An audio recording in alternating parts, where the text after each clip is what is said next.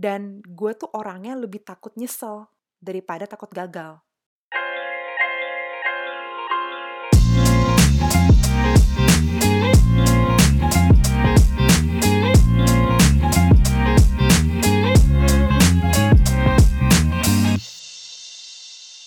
Welcome to Unmute Session with your one and only host, Claudia Helena.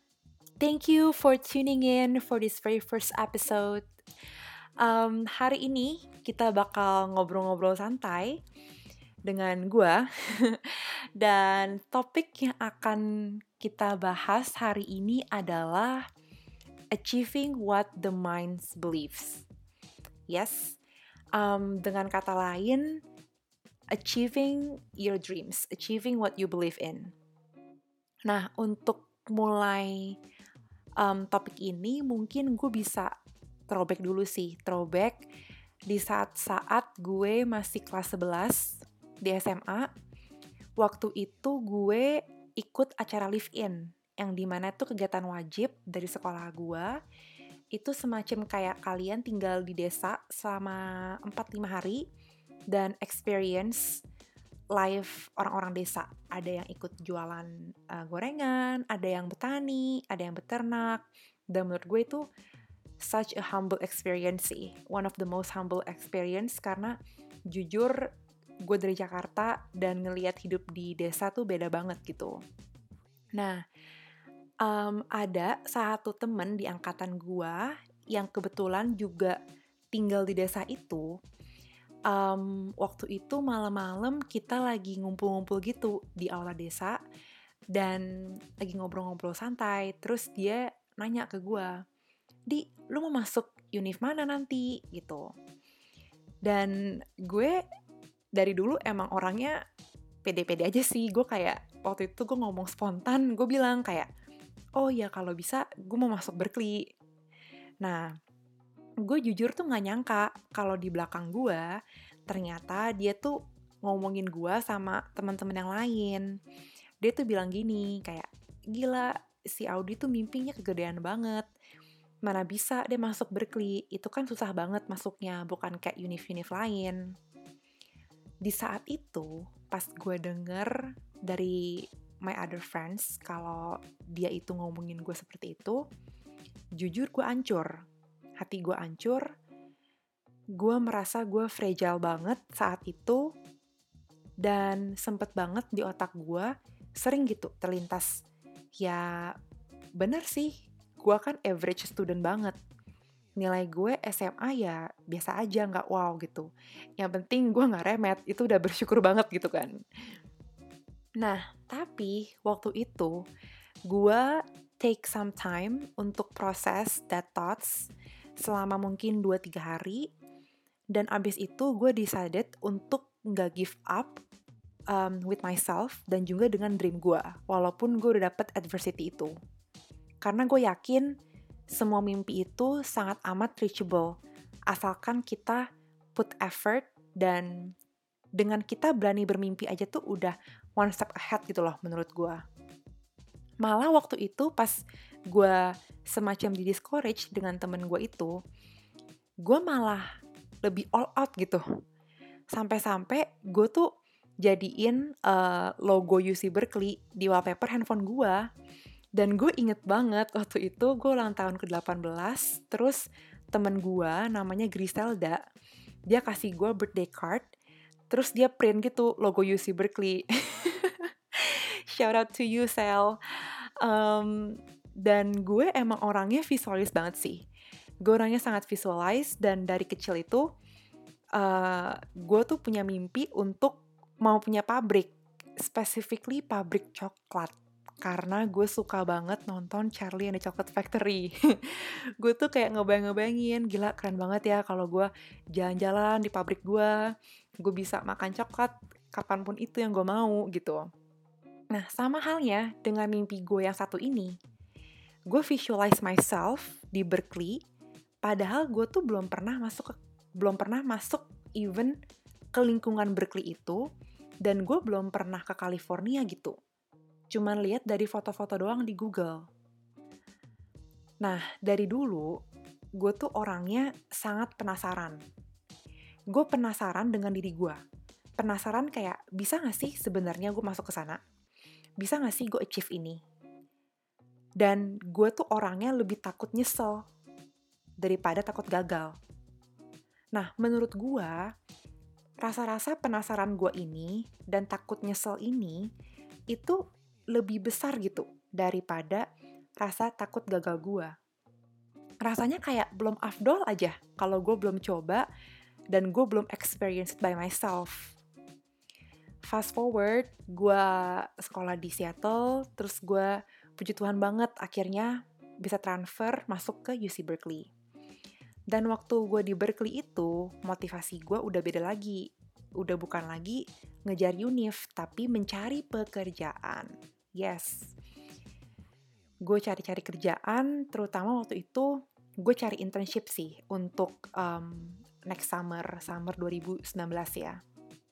Nah, entah kenapa setelah gue inget-inget balik, waktu-waktu fall 2018 itu, gue tuh ambis banget cari kerja gue kayak ambis banget sampai-sampai nyokap gue tuh kayak pernah bilang gitu loh ke gue ini uh, lu ke sekolah pakai dua outfit. Outfit sekolah malam ganti outfit formal.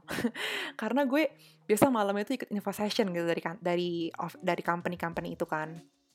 Nah tapi setelah gue pikir-pikir dulu itu salah satu motivasi terbesar gue untuk dapat internship di Amrik adalah karena gue pingin dapet kerja full time di Amrik gitu.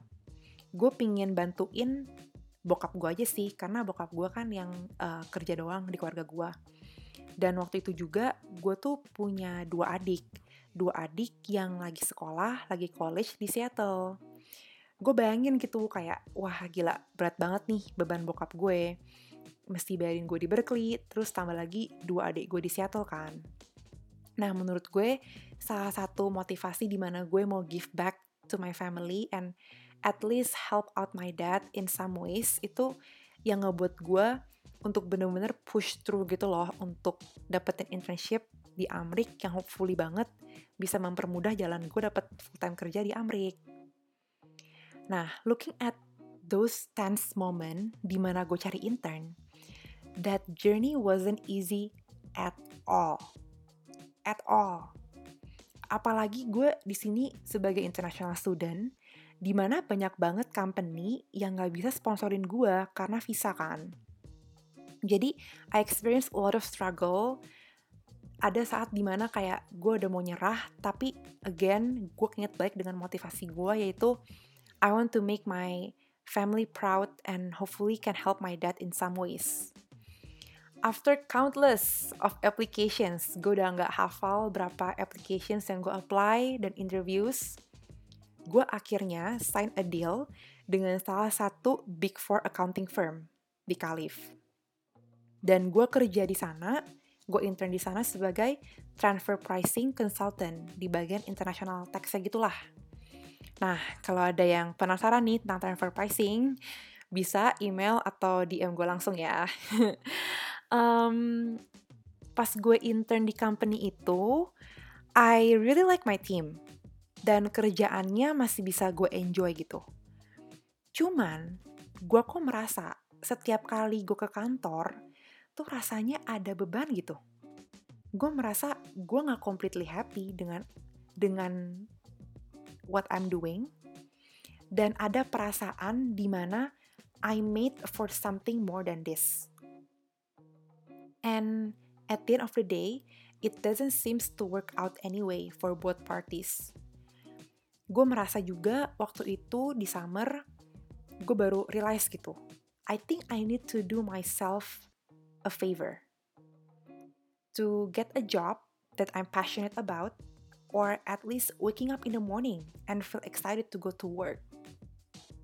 Baik lagi nih, foundation gue dari zaman gue SMP ya, SMP SMA lah kalau gue itu orangnya penasaran dan gue bakal nyesel kalau gue nggak nyoba gitu kan dan itu tuh um, menciutkan rasa takut gagal gue gitu nah gue cari-cari opportunity lain Dan gue cari-cari opportunity itu tuh udah sekitar minggu kelima lah gue mulai intern. Dan gue udah update resume gue uh, dengan this experience dan juga dengan um, nama Berkeley dan semuanya ya. Gue harap ya gue bisa dapet more exciting opportunities lah dengan adanya experience ini. Dan guess what? It, it doesn't get anywhere. it doesn't get anywhere guys. Gue dapetnya malah countless rejection emails. Dan gue di situ wonder, kenapa ya gue nggak dapet satu pun email yang tertarik buat even phone interview gue yes, gue down di situ. Gue takut karena this thing is very risky. But nonetheless, again, gue tetap maju dan gue tetap cari akal gitu loh. Gue tetap cari akal gimana supaya gue bisa at least explore new opportunities than this. Dan dari dulu, um, bokap gue selalu bilang gini ke gue, being comfortable is overrated and all that comfort has done is to maintain the status quo. Dan gue live by by that quote by my dad banget sih. Um, sejak gue SMA kali ya. Dan setelah gue pikir-pikir, ya bener lah, make sense gitu. No wonder gue gak get anywhere, karena pas gue apply-apply, itu gue gak lakuin dengan sepenuh hati. Gue main asal-asal aja gitu apply. Gue gak listen to what my heart really wants, gue apply kerja di marketing, accounting, consultant, business analyst. Gue sama sekali throw that resume tanpa gue pikir matang-matang gitu loh. Yang penting gue dapat kerja. Setelah gue pikir-pikir matang-matang, gue have conversation with myself, gue sadar kalau yes, I do like transfer pricing, cuman gue mau add more than that gue nggak mau kerja gue itu 100% transfer pricing gitu. Karena jujur interest gue itu ada di beberapa macam, ada di uh, financial valuation, dan gue pingin banget sebenarnya kerja atau deal with world economy. Karena biggest dream gue nih yang sampai sekarang sih gue masih ada. Uh, gue pingin banget kerja di World Bank someday. Amin. Dan this time di minggu ke-6, ke-7 pas gue udah lagi intern itu dan gue apply-apply lagi, gue apply kerja, tapi at least gue tahu kira-kira filter apa yang akan gue apply dalam job search ini. Dan surprisingly, emang life is very interesting dan lucu aja sih.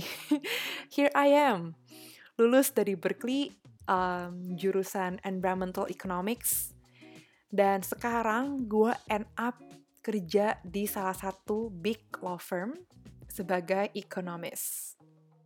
Yap, pasti pada bingung dan shock kan? gue juga sendiri bingung gitu awal-awal. Gue end up di law firm dan bukan perusahaan financial lainnya. Never had I imagine gue bakal kerja di law firm since gue nggak pursue any law degree sama sekali or even um, do any JD ya, uh, jurisdiction doctor. Tapi, truth to be told, so far selama lima bulan ini gue mulai kerja, gue enjoy dan gue suka banget sama kerjaan dan project-project gue. Bener-bener seru dan something yang out of my mind, out of uh, my comfort zone.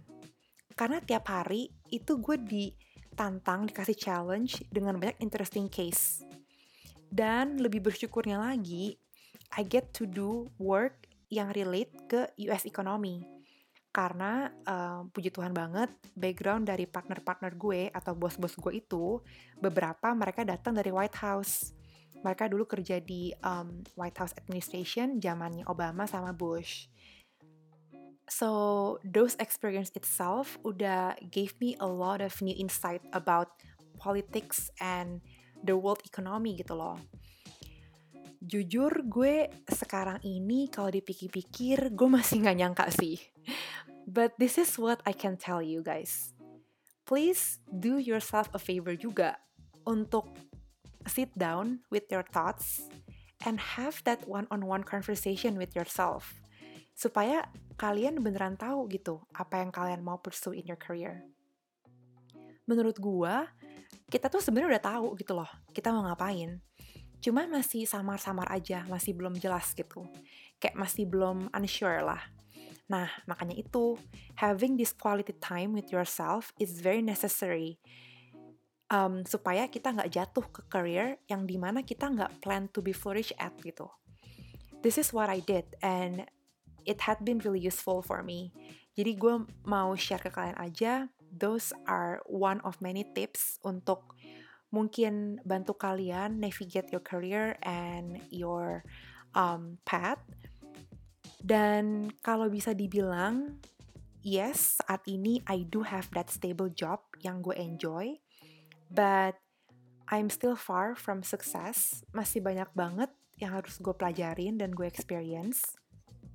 Dan menurut gue, kesuksesan itu nggak datang langsung dan butuh proses dan extraordinary effort. Gue selalu ngebayangin kalau proses untuk menjadi sukses itu semacam domino effect. Makanya nih, penting untuk kita-kita build a strong and solid foundation for our career, which is to know what we want. Gak harus tahu the whole picture, but at least you know what you want to do in your life. Apa yang lo taruh dalam sebuah proses untuk menuju satu kesuksesan itu akan ngefek ke depannya ke your next job, to your personality and energy, and most importantly, make you have a growth mindset. Kalau kita nggak punya growth mindset, akan susah nantinya untuk achieve our dreams. Karena kalau boleh gue jujur, salah satu musuh atau yang menghambat kita untuk moving forward adalah self-doubt, and self-negativity. Dan satu hal lagi nih yang menurut gue paling penting di antara semua hal yang udah gue bahas di atas, yaitu adalah having faith. Kalau dalam agama gue sih ya, gue percaya kalau apa yang Tuhan taruh dalam diri gue dan dalam diri kalian, either itu skills atau talent, itu tuh Tuhan kasih ke kita untuk dipakai dan dikembangkan. Jadi, kalau Tuhan udah provide, kita tinggal jalanin aja dengan percaya diri dan give the rest kepada yang di atas. On the other hand, gue mau close this unmute session dan um, gue cuman pingin encourage kalian aja untuk own your dream. Freaking own it. Yes, own your dream. Fokus ke where you're going and add the right ingredients karena kalau kalian keep moving forward dan make sure untuk add the right ingredients and give a 101% effort, gue percaya banget bahwa each day itu ada its own improvement, opportunities, and even failure. And that is totally okay. That is the part of the process, right? And I also feel that the scarier your dream is, meaning that you're going to the right direction. I truly hope that this episode gives you a little spark and joy and a little something to start getting out there and living your fullest. That's really what I hope for. One more time for my people in the back. May you always be living your dream fearlessly. Bye! See you in the next episode.